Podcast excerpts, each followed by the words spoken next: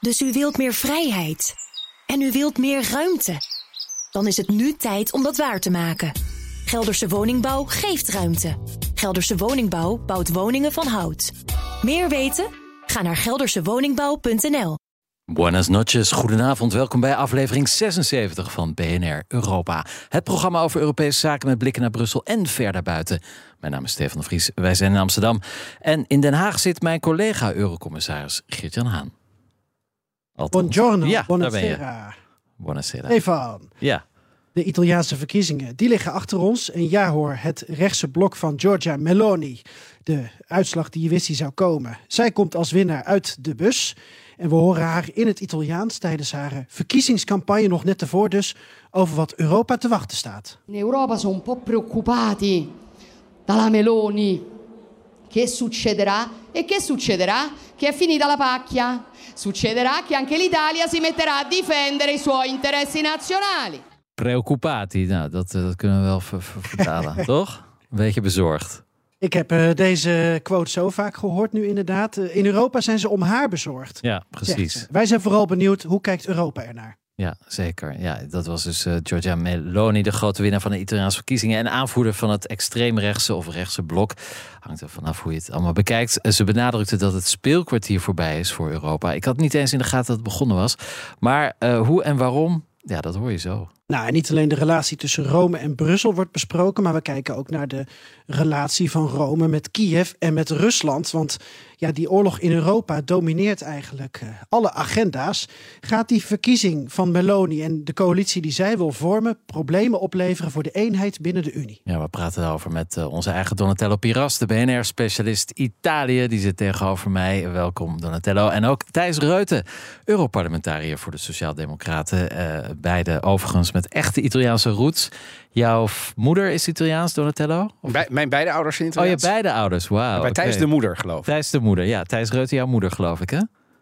Ja, klopt. Die Ja. komt uit Toscane. Die komt Ja. uit Toscane. Ja, dat is eh, ja, mooi. Eh, de Italiaanse roots. Ehm, ja, en we zouden natuurlijk BNR Europa niet Prachtig. zijn. Ja, mooi hè?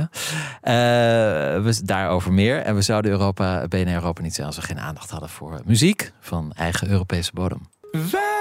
Ci sono dei ricordi che mi devi. Sei grande, ma ti chiamo ancora. Ja, de lange versie hoor je zo. Dit is BNR Europa. Eurocommissarissen Haan en de Vries houden de Brusselse zaken scherp in de gaten. Het is tijd voor de Europese Week, eh, collega Eurocommissaris Haan. Jij bent in Den Haag. Wat doe je daar eigenlijk? Je, je was iets naar, naar een conferentie eh, in Den Haag. Wat, wat, wat, wat, Ja. wat heb je meegemaakt vandaag?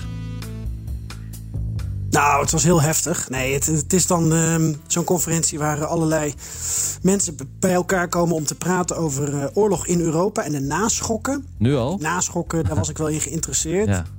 Ja, we voelen ze al. nou ja, eh, kijk naar ons eigen Europese defensiebeleid. Het, ging erover eh, hoe lang lopen we nog aan het handje van Amerika.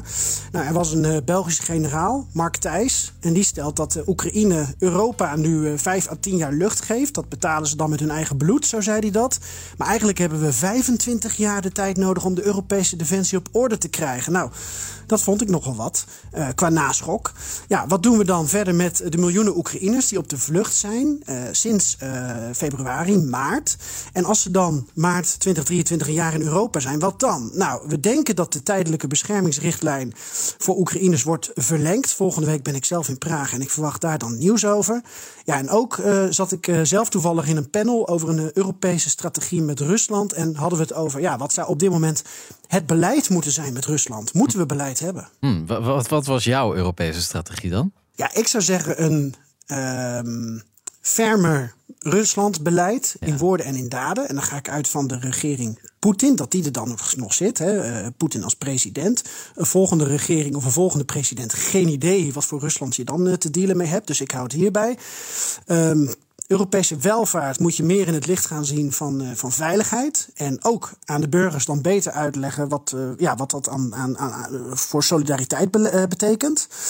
Ehm, in contact blijven met betrouwbare, onafhankelijke academici, journalisten, NGO's. En we hebben een Europese hotline voor Poetin nodig. Dat Ah. is eigenlijk mijn, mijn laatste standpunt. Je bedoelt zo'n zo'n rode telefoon die je in James Bond films ziet? Nou ja, nu maak je het weer heel filmisch inderdaad. Maar ik bedoel eigenlijk dat als Poetin de behoefte heeft om iemand in Europa te bellen, of andersom, dat het dan met één persoon is. Uh, ik zou Macron niet meer doen, want die neemt Poetin toch niet op. Maar ik zag afgelopen week een interview uh, bij CNN met de Finse president Niinistö, die eigenlijk voorheen heel vaak met Poetin belde. Um, en zo iemand zou misschien handig zijn. Je moet een kanaal open hebben, want we hebben gezien deze week met die um, explosies in de Oostzee met uh, Nord Stream 1 en 2. We weten niet of Rusland daarachter zit. Hè. Dat is heel moeilijk te bewijzen. Mhm. Maar eigenlijk wil je dat aan de voorkant voorkomen door toch al ja, te blijven praten, hoe raar dat misschien ook klinkt. Ja, dus je wil eigenlijk één, één iemand die een soort ambassadeur wordt en, en een Poetin-fluisteraar of, of een Europa-fluisteraar. En die, die vertaalt wat Poetin zegt. Zoiets. Ja, eigenlijk wat Erdogan nou ja, Erdogan die haalt nu voor ons de kastanjes uit het vuur. Maar Erdogan hebben we ook wel eens een appeltje mee te schillen. Ja, je bent in de, in de woordspelingen van, van de fruit en de noten vanavond. Um, goed, nou. het, zover. Wat zeg je? En jij dan? Wat heb jij op je zang? Wat ik op mijn zang heb. Nou, geen noten, geen kastanjes. Maar uh, ja, waar ik erg om moet eh, lachen, of in ieder geval uh, een stukje schadenfreude naar de mensen toe vandaag de val van het Britse pond. Uh, ten opzichte van de euro nog niet op het laagste punt, maar wel gemeten in dollars. Uh, het pond gaat richting de pariteit en dat betekent dat je binnenkort 1 dollar voor 1, voor 1 pond kan krijgen. Um, en misschien nog wel uh, meer zelfs. En dat zou natuurlijk een symbolische vernedering zijn. Dat de munt van de oude kolonie die van het moederland voorbij streeft. De Bank of England die begon vandaag woensdag met het opkopen van obligaties. Omdat het een risico voor de financiële stabiliteit aan het ontstaan is door die lage koers. Zo schreef de centrale bank.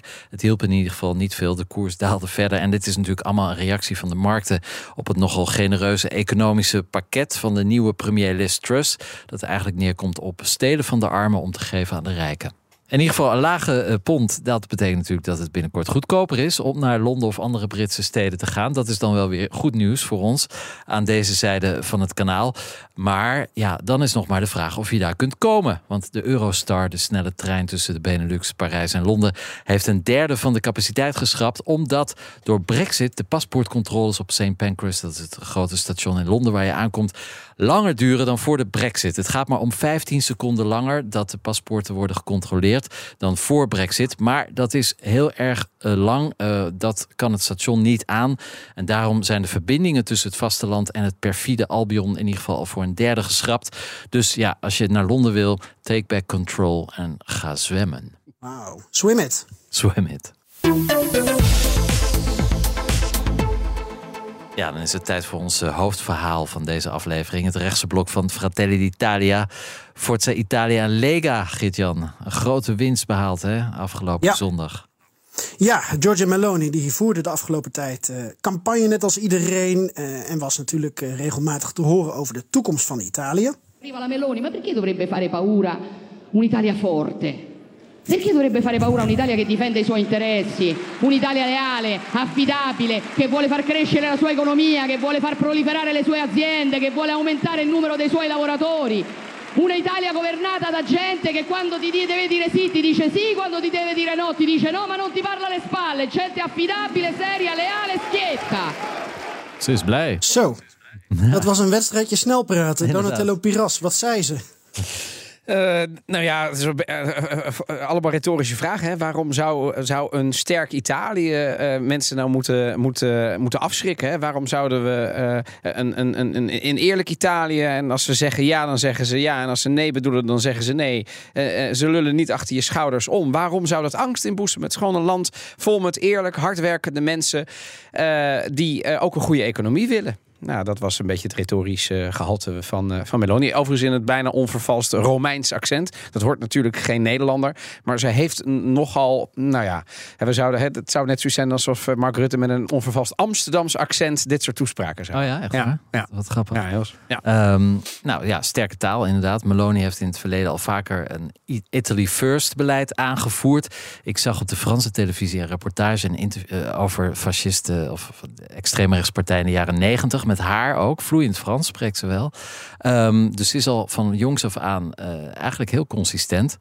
Um, de grote vraag is natuurlijk of dit een probleem gaat worden voor Brussel op de lange termijn. Gert-Jan, hoe zie jij dat? Ja, nou ja, we moeten uh, natuurlijk de formatie afwachten. En worden het inderdaad Berlusconi 86 jaar geloof ik uh, deze week. En de Matteo Salvini, die in het verleden um, nou, allebei wel banden met Poetin hebben aangehaald. Maar Salvini daarvan is ook laatst, volgens mij was het in La Stampa, um, naar buiten gebracht dat zijn partij ook echt uh, financiën deelde met Rusland. Wat hij zelf dan weer ontkende.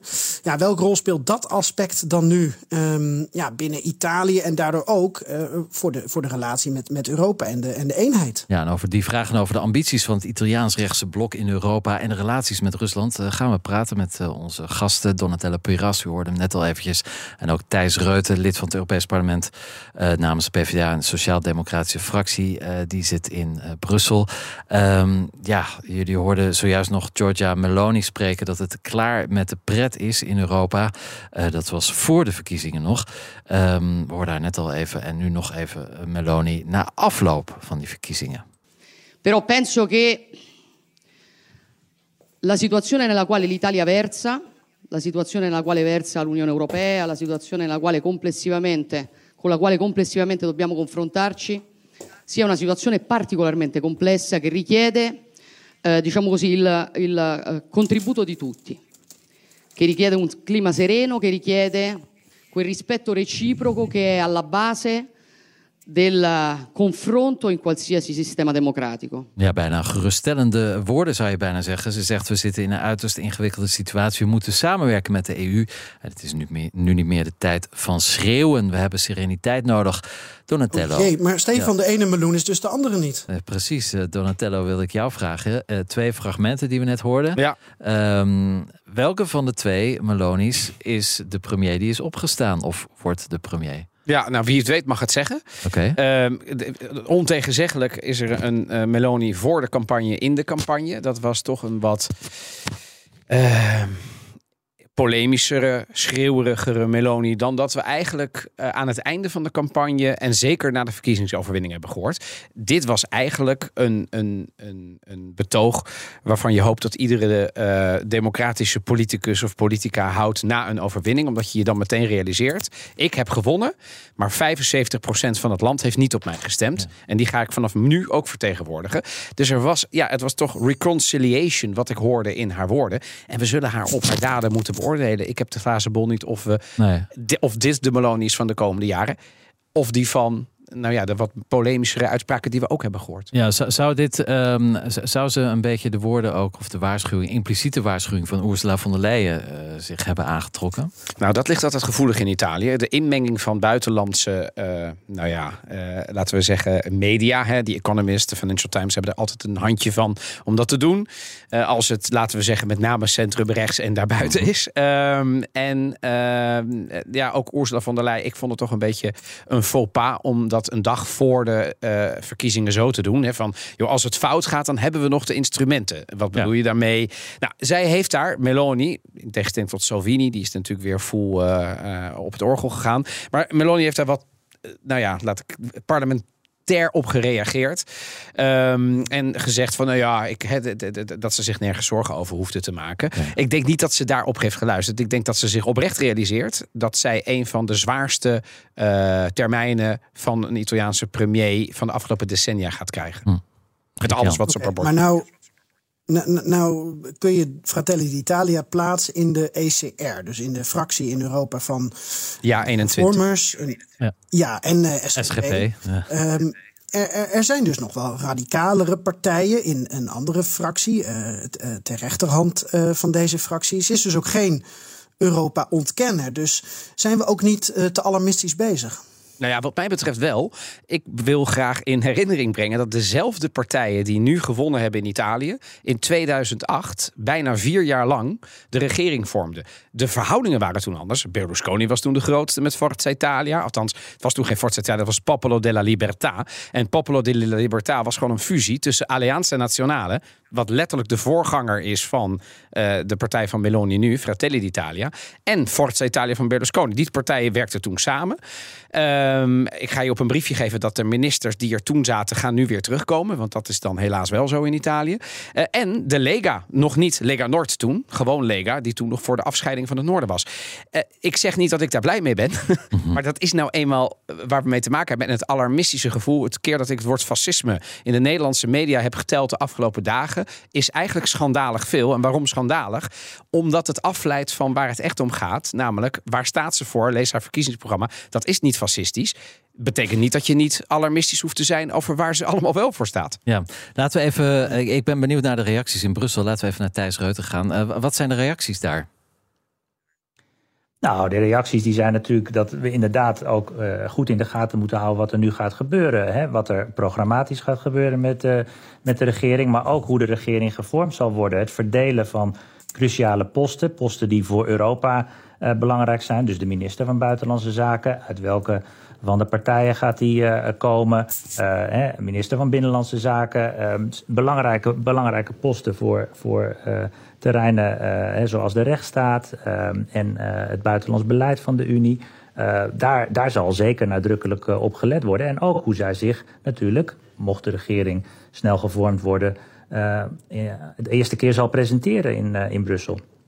Ja, Donatello, we hebben in verkiezingstijd ja. gehoord um, dat partijen veel aandacht hadden voor die relatie met Europa. Um, wat gaat daar de komende weken nog van terugkomen in de formatie? Nou ja, kijk weer terug naar inderdaad wat ik zei. 2008 dezelfde partijen. Toen waren de verhoudingen anders. De, bij far de meest uh, gematigde partij is de partij van uh, Berlusconi, Forza mm -hmm. Italia. Die zit in de European People's Party. Hè, ja, waar EPP, EPP, waar CDA, CDA in zit ja. namens Nederland. Ja. Uh, dat, dat is wel de kleinste partij. Overigens op de voet gevolgd door potentieel in mijn optiek op dit moment de meest uh, onvoorspelbare en explosieve partij, namelijk de Lega Noord. Om twee redenen. Ten eerste, de standpunten van de Lega Noord zijn het meest nou ja, anti-Europees, misschien zelfs pro-Poetin-fluisteraar. Uh, daar komen we wellicht straks nog op. Mm -hmm. In tegenstelling tot de partij van Meloni, die dat niet is. Je kunt daar heel veel conservatisme vermijden. Misschien dat uh, de vrouwenrechten bij haar niet in goede handen zijn. Daar kunnen we allemaal nog over praten. Maar met de relatie met Europa is dat, is dat minder gevaarlijk dan bij de Lega. Maar die Lega is, en dat is de tweede reden dat die gevaarlijk is in deze coalitie. Voor de stabiliteit bedoel ik dan gevaarlijk hij is gemarginaliseerd. Hij komt van 2019 34 procent. Hij heeft 9 procent. Hij is onder de 10 procent gedoken. Er heeft geen hond meer op die partij gestemd. En zijn positie als leider is ook... en als het doorgaat wat de geruchten nu zijn... is dat Meloni hem ook niet als een cadeautje... een hele belangrijke post wil gunnen. Mm -hmm. Hij wil heel graag binnenlandse zaken... zodat hij zijn stokpaardje immigratie kan doen. Ja, dan, dan, wordt het denk ik een partij die mogelijk... Uh, of hij wordt uitgespeeld... en anders is het een partij die je echt in de gaten moet houden. Want die zou voor de stabiliteit een probleem kunnen zijn. Ja. Maar voor de relatie met Europa is denk ik op dit moment, als je naar, naar, naar behalve naar Salvini, naar die andere partijen kijkt, ja, die zijn niet voornemens om dat, um, uh, laten we zeggen, heel erg op de schop te zetten. Maar, een van die toespraken, ze zal Italië wel voorop zetten. Uh, bijvoorbeeld met het European Recovery Fund. Hè. Daar komen miljarden vandaan. Ja. En daar wil ze opnieuw over onderhandelen. Omdat ze bijvoorbeeld zegt, ja, die energieprijzen... die moeten we misschien ook een stukje combineren. Ja, dat betekent opnieuw onderhandelen. Want dat staat ja. er nu niet in. Gisteren heeft de Europese Commissie weer een, een tranche goedgekeurd aan Italië. 21 miljard euro. Um, Vorige week hadden Geert-Jan en ik een interview met uh, Eurocommissaris Frans Timmermans. Dat is nog te beluisteren natuurlijk in alle bekende podcastplatforms. Maar we vroegen hem ook naar Italië, want in zijn jongere jaren heeft Timmermans in Italië gewoond. Toen de MSI nog actief was. En um, hij gaf aan dat Meloni heel erg hecht aan de postfascistische erfenis. En dat zij en haar partij weigeren hier afstand van te nemen. Gaat dit nog een hang, heet hangijzer worden in, uh, tussen Rome en Brussel, Donatello? Ja, dat ligt er maar net aan hoe erg je, nogmaals, uh, zolang je het hebt over dit, hè, dan heb je het over. Uh, ja, een ideologie. Hè? Dus dat is net zoals dat je aan Mark Rutte vraagt van ja, okay, hoe, hoe, belangrijk vind je, vind, vind je het om liberaal te zijn? En ik ja. snap wel dat pas fascisme iets anders is dan, dan, dan, dan liberalen en christendemocraten. Namelijk, hè, we hebben niet voor niks geen fascistische partij meer, ook niet in Italië. Maar ze is daar ambivalent in geweest. Um, in, zeker in het verleden. Maar we moeten niet vergeten, ze is een politica in hart en nieren. Ze is de eerste jongste minister uh, van jeugdzaken onder Berlusconi geweest. Al ver voor het 20 jaar geleden al. Ze, uh, ze is voorzitter van de jeugdbeweging. Dus ze heeft al een heleboel politieke functies in Italië gehad. Zij is niet nieuw. Ze behoort eerder tot het politieke establishment. Dus we hadden haar al veel eerder kunnen zien. En ik, ik ben niet zo bang voor postfascistische erfenissen van haar. Er zullen ongetwijfeld elementen elementen zitten in haar partij. En zeker in haar aanhang. En ik denk dat dat de reden is dat ze het een beetje in het midden heeft gelaten. Liever dat ze op mij stemmen dan op iemand anders.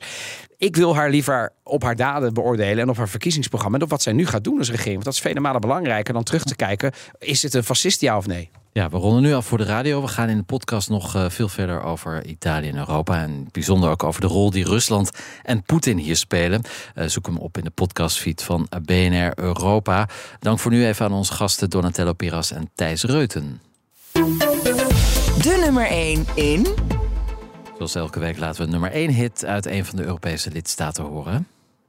En dit keer is dat het volgende nummer geworden.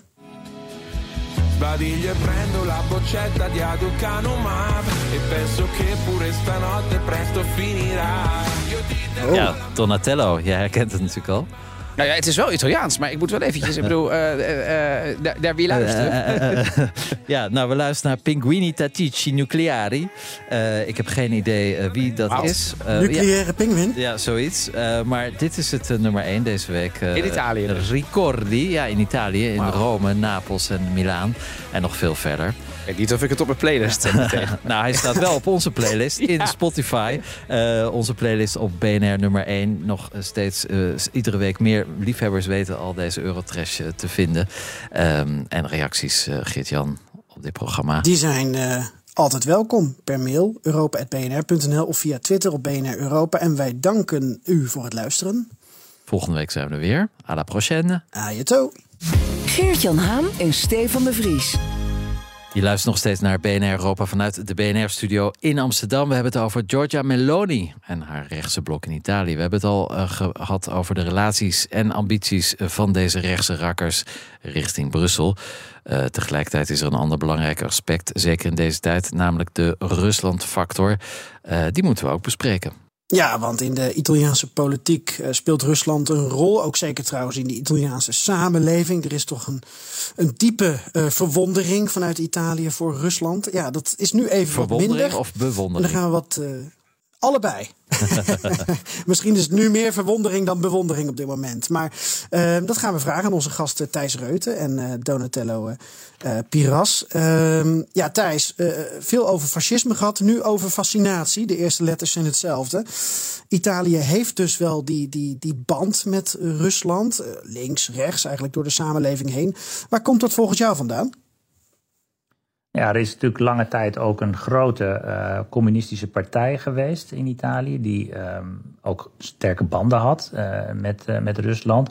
Er is over het algemeen ook een hele goede verstandhouding geweest, heel veel handel ook. Hè. Dat zag je ook eigenlijk opspelen, ook onder de nog vorige regering, hè, bij de, het vaststellen van de sancties. Dat de belangen, ook van investeringen, maar ook van handel, gewoon eh, er zijn gewoon verschillen tussen lidstaten. En Italië is een lidstaat die van oudsher uh, veel handelsbetrekkingen ook had en heeft met, uh, met Rusland. Ja, Donatello, leeft de oorlog tussen Oekraïne en Rusland op straat bij de gewone Italiaan, als die bestaat? Nou ja, kijk, natuurlijk. Uh, en, uh, ik, maar, maar, ja, het, is, het, het zijn, Italianen zijn net normale mensen. Hm. en net zoals bij ons, uh, totdat er weer iets nieuws gebeurt. Hè? Net zoals dat Poetin nu weer zo'n mobilisatie hm. afkondigt. Of nou ja, we weten niet wie het heeft gedaan, maar er is in ieder geval iets met de Nord Stream 1 en 2. Dan leeft het weer. Maar de Italianen is ook bezig met, ja, laten we zeggen, toch de economische zaken die het nieuws beheren. Het is uh, weken gegaan over il caro bollette, dus de hoge energierekening. Mm -hmm. Voor ondernemers, voor bedrijven, voor consumenten. Um, het is heel uh, vaak gaat het ook over de handjes die er niet zijn. Hè? De, de, de, de, de of, en in de campagne is het ook heel veel over de brain drain gegaan. Italianen ja. die verlaten. Kortom, ja, natuurlijk is de oorlog uh, top of mind. Maar He, uh, eerst als fressen en dan die moraal. Dus eerst uh, moet een gemiddelde Italiaan ook rond kunnen komen. Dat is steeds moeilijker aan het worden. Uh, en niet alleen maar in het zuiden, zoals mensen denken. Maar ook gewoon bij, bij, bij binnengroepen in het, in het noorden. Kortom, ja, de oorlog leeft. Maar de Italiaan is ook gewoon bezig met... Kan ik, hoe kom ik deze winter door? Ja, natuurlijk. Um, Geert-Jan.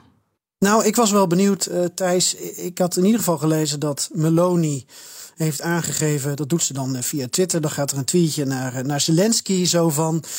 Uh, Oekraïne, we zullen jullie blijven steunen. Dus dat heeft ze even duidelijk gemaakt. Is dit op dit moment eigenlijk het enige, nou laat ik maar zeggen, Europese dossier waarvan we weten welke kant het uitgaat met Meloni? Ja, ik, ik, moet, ik moet dat nog wel eventjes afwachten, hoe dat precies gaat lopen. Hè? Want zij moeten dus een regering vormen met twee partijen die in ieder geval heel erg uh, nou, op zijn minst sceptisch over sancties zijn. In het bijzonder Salvini verwacht ik van dat als hij, hè, zoals Donatello ook al zei, Ehm, het moeilijk gaat krijgen. Hè, misschien ook uh, niet een belangrijke post krijgt. En uh, ja, maximaal zijn positie zal willen benutten. Dat hij misschien toch op een gegeven moment ook wel weer gaat dwars liggen uh, bij die sancties.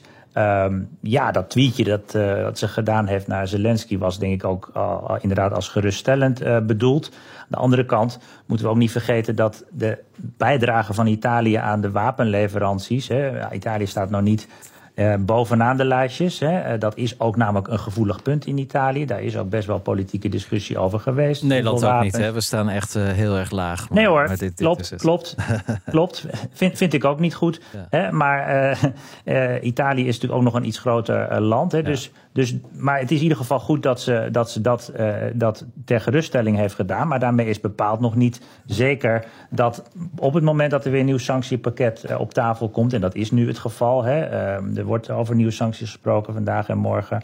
Uh, dan, stel dat de regering er snel komt, ja, dan is er natuurlijk nog een land wat, wat misschien moeilijker gaat doen op sancties. Aan de andere kant maakt zij zelf met haar partij deel uit van de ECR, waar de Poolse partij een belangrijke rol in heeft. Die hebben haar ook gesteund om voorzitter te worden van de ECR. Dat schept ook verplichtingen. Dus ik verwacht dat zij wat betreft de steun aan Oekraïne in die zin ook wel hè, meer zal kijken naar, naar de, de, de steun van de Poolse, de Poolse partijgenoten, die absoluut ook niet zitten te wachten natuurlijk op een land wat net als Orbán hè, de relaties met Rusland juist, juist aan, aan gaat halen. en voor de Poolse partijgenoten is het ook van belang dat ze niet meer alleen afhankelijk zijn van Orbán. Dus ik verwacht wel dat bijvoorbeeld op dat punt. Hè, dat heeft Meloni in feite toch ook al aangegeven. Zij wat minder streng zal zijn voor um, Polen. Maar ook voor Hongarije als het gaat om, om de rechtsstaat. Dus dat kan in de Europese Raad ook voor een ander evenwicht gaan zorgen. Ja, ik, ik las wel vandaag in La Repubblica, de Italiaanse dagblad, dat um, Draghi, Mario Draghi, de vorige premier, gebeld heeft met um, Macron, Scholz en Ursula von der Leyen om ze terug, gerust te stellen, want hij, er zou een pact zijn tussen Mario Draghi en uh, Meloni. Um, een, een, beetje ja, handjeklap eigenlijk, dat de, de vertrekkende premier een adviseur zou worden van Meloni. Uh, hij zou dan verantwoordelijk worden voor de relaties met Europa. Um, en in ruil daarvoor zou Meloni niet aan um, ja, de, de, de, opinies of de meningen komen over de steun van Oekraïne, uh, het NATO-lidmaatschap, NAVO-lidmaatschap en ook natuurlijk de uh, economische hervormingen. Um, dus dat speelt zich af in de coulissen. Heb jij daar iets van vernomen, Donatello? Ja, het is, het is inderdaad uh, niet alleen in Republiek, maar dat is breed uitgemeten in het nieuws. Dat komt omdat Meloni dat zelf de wereld in heeft geholpen. En heeft okay. gezegd dat ze met Draghi heeft gebeld en dat ze uh, hem wil betrekken. Uh, niet alleen bij de overdracht, maar wat langer met hem wil samenwerken. Ja. En dat ging dan inderdaad ook met name over zaken als het European Recovery Fund. Ja. Dat, dat ligt natuurlijk enorm gevoelig. Niet alleen in Brussel, maar natuurlijk ook in Italië. En als je de naam Draghi noemt, dan, dan hè, dat zorgt dan toch weer voor een beetje stabiliteit. En dus geruststelling ook bij oppositie. Ja, zo'n pact, Thijs Reuten, zal in Brussel natuurlijk met, uh, met gejuich worden ontvangen, denk je niet? nou ja, kijk, het is natuurlijk wel ontegenzeggelijk waar. En dat, dat, dat is toch ook wel, wel goed om nog even te zeggen. Want, want Draghi hè, uh, uh, genoot natuurlijk wel uh, enig respect in Brussel. Er was voor het eerst sinds lange tijd weer een premier waar nou ja, meerdere politieke partijen in Italië veel Italianen, uh, die, die ik ook sprak, uh, zelfs een beetje trots op waren. Uh, waar zelfs andere Europese landen van zeiden: zo, Italië hè, maakt weer ook een beetje indruk. nou ja, dat zijn natuurlijk ook.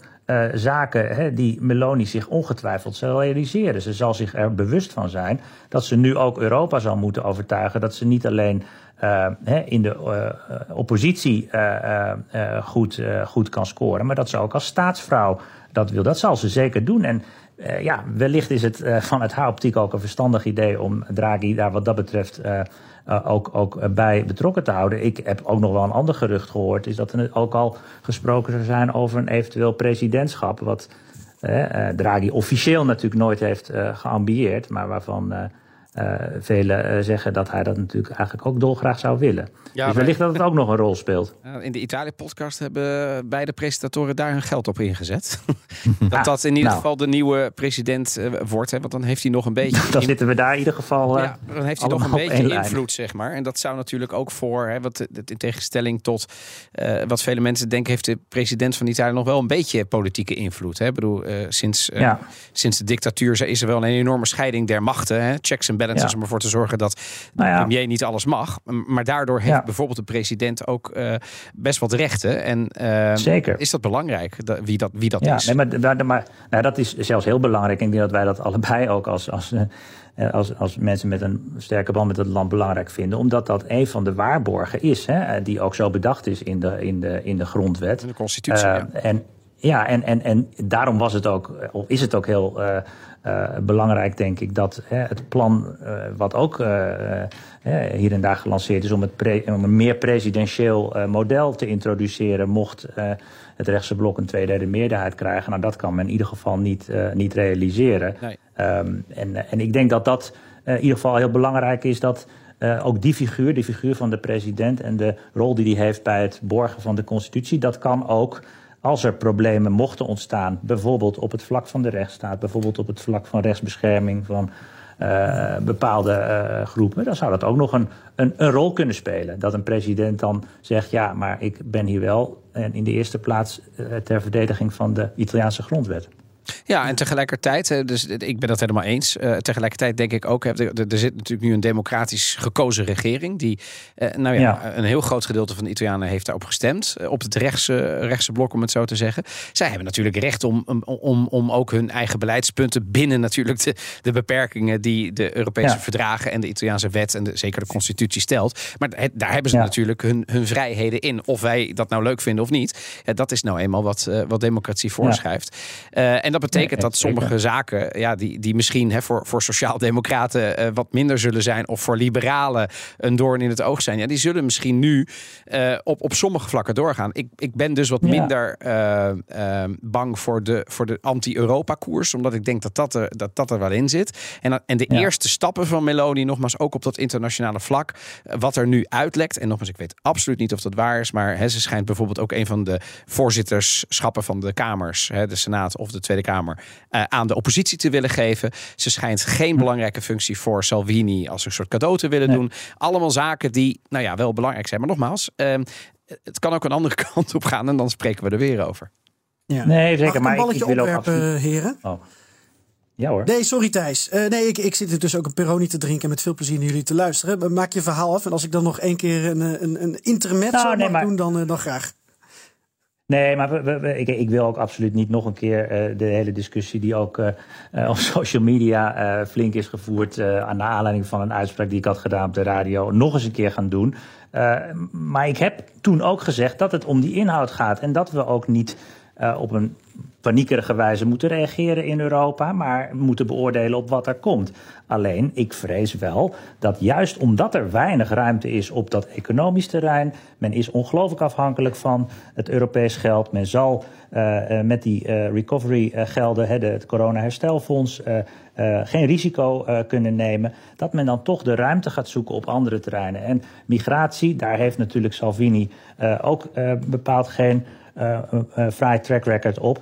Uh, daar zal men iets willen laten zien. En, maar ik ben het helemaal eens met wat, wat Donatello Piras zegt. Natuurlijk hè, moet je nu gewoon de regering beoordelen op de plannen waarmee, waarmee die komt. Ik heb ook dat mm -hmm. nooit, nooit betwist. Maar ik zal wel heel scherp letten op het naleven van de afspraken die we nu helemaal hebben op het gebied van migratie, op het gebied van, van, van de rechtsstaat, dat daar niet uh, ja, uh, eenzelfde situatie ontstaat die we, die we in Hongarije en Polen hebben. Want daar moeten we in Europa ja, goed op letten. Ja. Oké. Ik nou, zit even een beetje te vinken met thema's. En, en we, Stefan, jij wil zo nog even naar, naar het be, be, eh, dekbed overtrekken van, van Berlusconi. Hè? Maar dat, dat is even een cliffhanger. Uh, ik heb er met Marco van Basten vorige week nog over gesproken. Dat is dan ook weer een cliffhanger. Ja, maar, jij, jij bent um, de name dropper.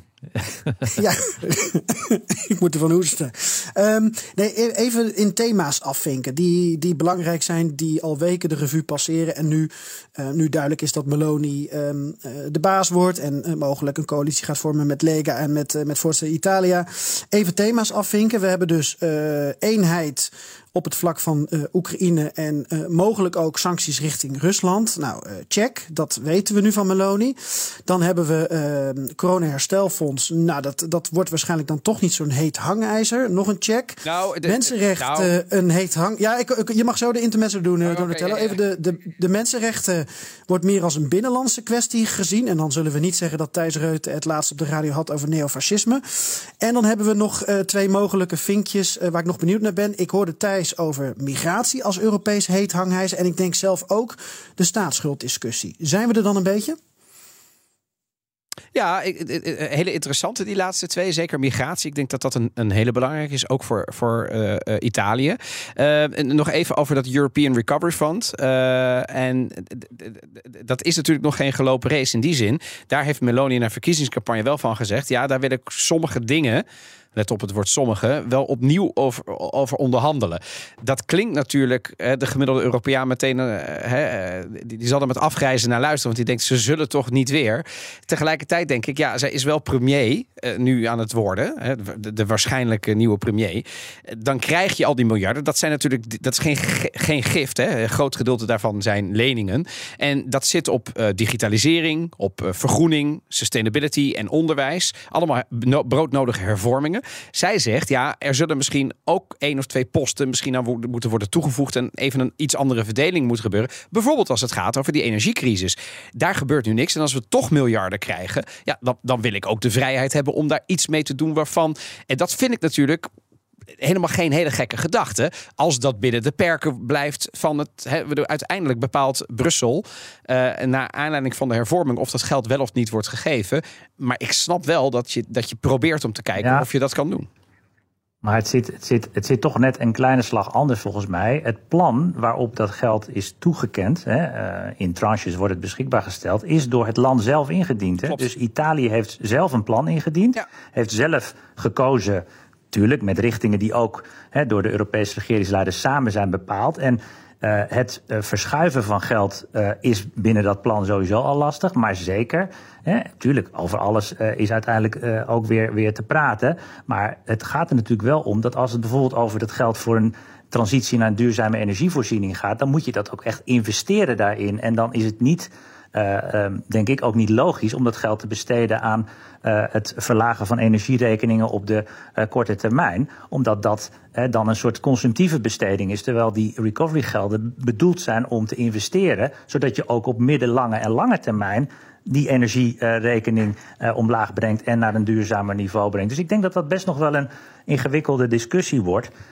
maar ja, ook dat zullen we gaan zien als men met het regeringsprogramma komt.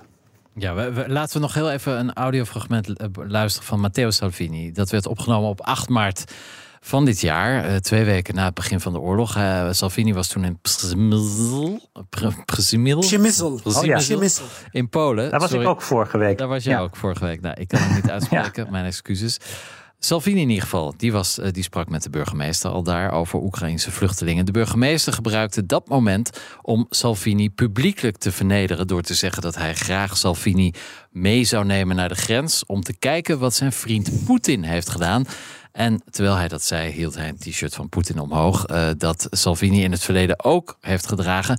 Een bijzonder fragment. Salvini probeert hem nog een beetje tegen te spreken, maar loopt uiteindelijk weg. En het, aan het einde van het filmpje zegt Salvini het volgende in het Italiaans. Condanno la guerra, condanno le bombe, condanno gli attacchi, condanno i missili, come tutti. Yeah, come asking if, if, you are, if you can condemn Putin, not the certo, war Putin. ovvio. Certo, condanniamo Putin. Condanniamo l'aggressione russa. Certo, ik, uh, ik verdedig Poetin niet. Uh, ik veroordeel hem, zegt Salvini hier in Polen. Maar Thijs uh, Reuter, geloof jij Salvini als je dit hoort? Nou, nee, eigenlijk niet. Ja, ik bedoel, kijk, natuurlijk, ik zeg ook altijd, en dat zeg ik ook over, over, over andere mensen, over, over dingen die ze in het verleden hebben gezegd. Hè, er is altijd een kans om daarop terug te komen. Maar uh, dit vond ik niet, zelf niet erg geloofwaardig. Ik heb die burgemeester dus vorige week toevallig gesproken, omdat wij daar waren met de een delegatie van het Europees Parlement om te kijken hoe het ging met die opvang van de, van de vluchtelingen en hoe het daar allemaal is, is verlopen. Um, en ja, ik denk dat Salvini, wat we eerder ook al zeiden in de uitzending, um, met name in, in de boezem van de regering, ook als hij niet een belangrijke functie heeft, toch nog wel voor problemen gaat zorgen op het punt van die, van die sancties. ik zie hem en Berlusconi overigens uh, eigenlijk op dat punt, op het punt dus van nou ja, het, het, het, een beetje tegendruk gaan geven op de steun aan, aan, aan de sancties, zie ik hen eigenlijk misschien wel als een groter risico dan Meloni, die zich ja, na eerder in het verleden daar minder helder over te zijn geweest. De laatste tijd natuurlijk ook in haar, onder druk van haar partijgenoot in de ECR um, uh, ja, eigenlijk wel consistent heeft opgesteld. Ja, Donatello, kan die ja. uh, Russofilie van Salvini op termijn een probleem worden binnen dit rechtse blok? Zeker. Ja? En, uh, ja, en ik denk ook dat dit een van de. Dit is in Italië breed uitgemeten, dit fragment ja? dat je nu ja. liet horen. Okay. En er zijn ook, ik heb ook ondernemers gesproken deze zomer, die, het, hè, die sowieso rechts gingen stemmen. Ja. Maar een beetje aan het discussiëren waren van, joh, wie dan? En, en, en, en, en dat heb ik bij meerdere mensen gehoord. Die zeiden van, joh, Salvini, een pagliaccio, die heeft, dat is een clown, die heeft ons te kakken gezet in Europa. Daar moeten we natuurlijk niet meer op stemmen. Kortom, hij heeft heel veel credibility verloren, Salvini juist ook bij nou ja, de ondernemers die hij nodig heeft. En wat je ook ziet is dat 30% misschien zelfs 33% dus een derde van de stemmen van Meloni, komt van de Lega. De, de, dus de, de, de, de mensen hebben er ook veel minder vertrouwen in. En ja, hij, ik ja. vind hem ook uh, ongeloofwaardig als het gaat over Rusland. Ten eerste omdat hij het gewoon gedaan heeft en hij werd daar geconfronteerd, terecht denk ik, door deze burgemeester.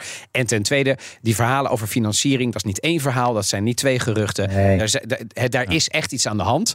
Alleen, we hebben nog niet de smoking gun te pakken, maar dat er financiering richting, laten we, laat ik het voorzichtig uitdrukken, ja. richting de Lega en de contraien van Salvini is gegaan. Ja, daar zijn wel meerdere ja, aanleidingen voor. En, ook, en los van die financiering hè, was er natuurlijk ook in de verkiezingscampagne nog het verhaal van die medewerker, uh, hooggeplaatste medewerker van de partij van Salvini, die nog bij de Russische ambassade was geweest. Hè. Ja. Dan uh, kan ook over geld zijn gegaan, maar uh, ging in ieder geval waarschijnlijk ook over, over inhoud. En ik denk, hè, om nog even door te gaan op dat punt, dat tussen de spanning die er zou kunnen ontstaan op dat punt. Ja, Salvini heeft ook uit het verleden nog een, een appeltje met Meloni te schillen hè, vanwege die vanwege die kiezersvlucht.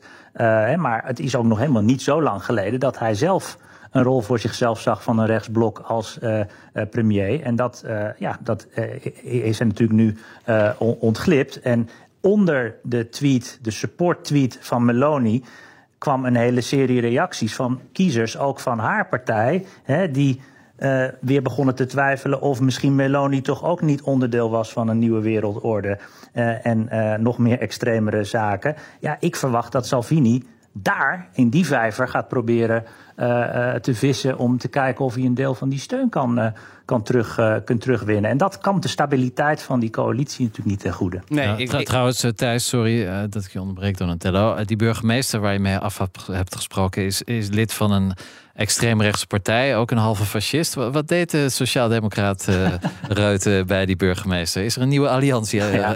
in de maak? Nee hoor, nee. Wij, wij waren daar met de, uh, met de delegatie van het Europees Parlement, van de Libe-commissie, dus van alle partijen breed samengesteld. En wij bezochten het, de grensovergang daar aan de, in de buurt. Maar dat stadje, Premziel, daar is het grootste uh, op uh, ontvangstcentrum eigenlijk van, uh, van Polen, van die regio gevestigd. En wij bezochten dat ontvangstcentrum en die burgemeester leidde ons daar ook, ook rond. en nou ja, dat was om te bekijken ook hoe de, de beschermingsrichtlijn, de tijdelijke beschermingsrichtlijn die wij geactiveerd hebben, hoe dat in de praktijk heeft uitgewerkt. En wat goed was om te zien, is dat deze burgemeester daar nog steeds de zaken goed op orde heeft. In zoverre dat hij al klaar is voor eventuele nieuwe vluchtelingen deze, deze winter. Dus dat waren wij daar aan het bekijken. En uh, dat had verder niets met, uh, met de partijpolitiek te maken. Nou, we geloven je maar. mooie, mooie blauwe. Uh, tot slot nog even kort aan jullie de vraag. kan deze rechtse driehoek een probleem worden voor de Europese eenheid tegen Rusland? Als, als Meloni tenminste dat pact heeft gesloten met Draghi, dan kan het meevallen. Maar ja, je weet het niet hè? Eh, eh, De, de eenheid in Europa of de eenheid in, dat- in, in, in Nou ja, de dat, dat, coalitie? eh, dat eh, Italië de eenheid die er nu is, althans staat ook wankelen door Hongarije, maar dat, dat Italië die eenheid misschien ook eh, in gevaar kan brengen. Ja, kijk, alles kan, eh, potentieel. Eh, ik denk dat Meloni eh, bezig is om ervoor te zorgen dat ze wat langer stabiel regeert. Dat wil Berlusconi ook. Dat willen alle Forza Italia-leden ook. Nogmaals, ik denk dat de enige die op dat moment roet in het eten kan gooien Salvini zelf is. Ik denk dat zij probeert om hem op een bepaalde manier kal te stellen. Door hem wel iets van een positie te geven in een kabinet, maar niet een, een belangrijke, niet een, een cruciale positie. Laat staan dat, ze, dat die binnenlandse zaken of buitenlandse zaken krijgt. En zo probeert om haar stabiliteit te doen. Dat is denk ik haar main concern op dit moment. Zo lang mogelijk proberen te regeren. Ja, en dan probeer je natuurlijk allerlei eh, checks en balances te doen, zodat dat is. En hij is, en dat weet zij ook, hij is potentieel een gevaar. Als hij weg zou gaan en er zou bijvoorbeeld iemand nieuw komen, dat zou voor de stabiliteit veel beter zijn. En dus ook voor de Europese stabiliteit. Want uiteindelijk, ik denk dat Brussel blijer is met een, weten dat je drie, vier jaar met een bepaalde eh, coalitie te maken hebt en met een leider, dan dat je na vier maanden dat we weer een doorstart krijgen en dat er weer de zoveelste regeringscrisis na de Tweede Wereldoorlog is. Daar zit Italië niet op te wachten, maar ik denk Brussel ook niet. Ja, Thijs Reuten, tot slot, wat, wat zie jij in je glazen bol in Brussel?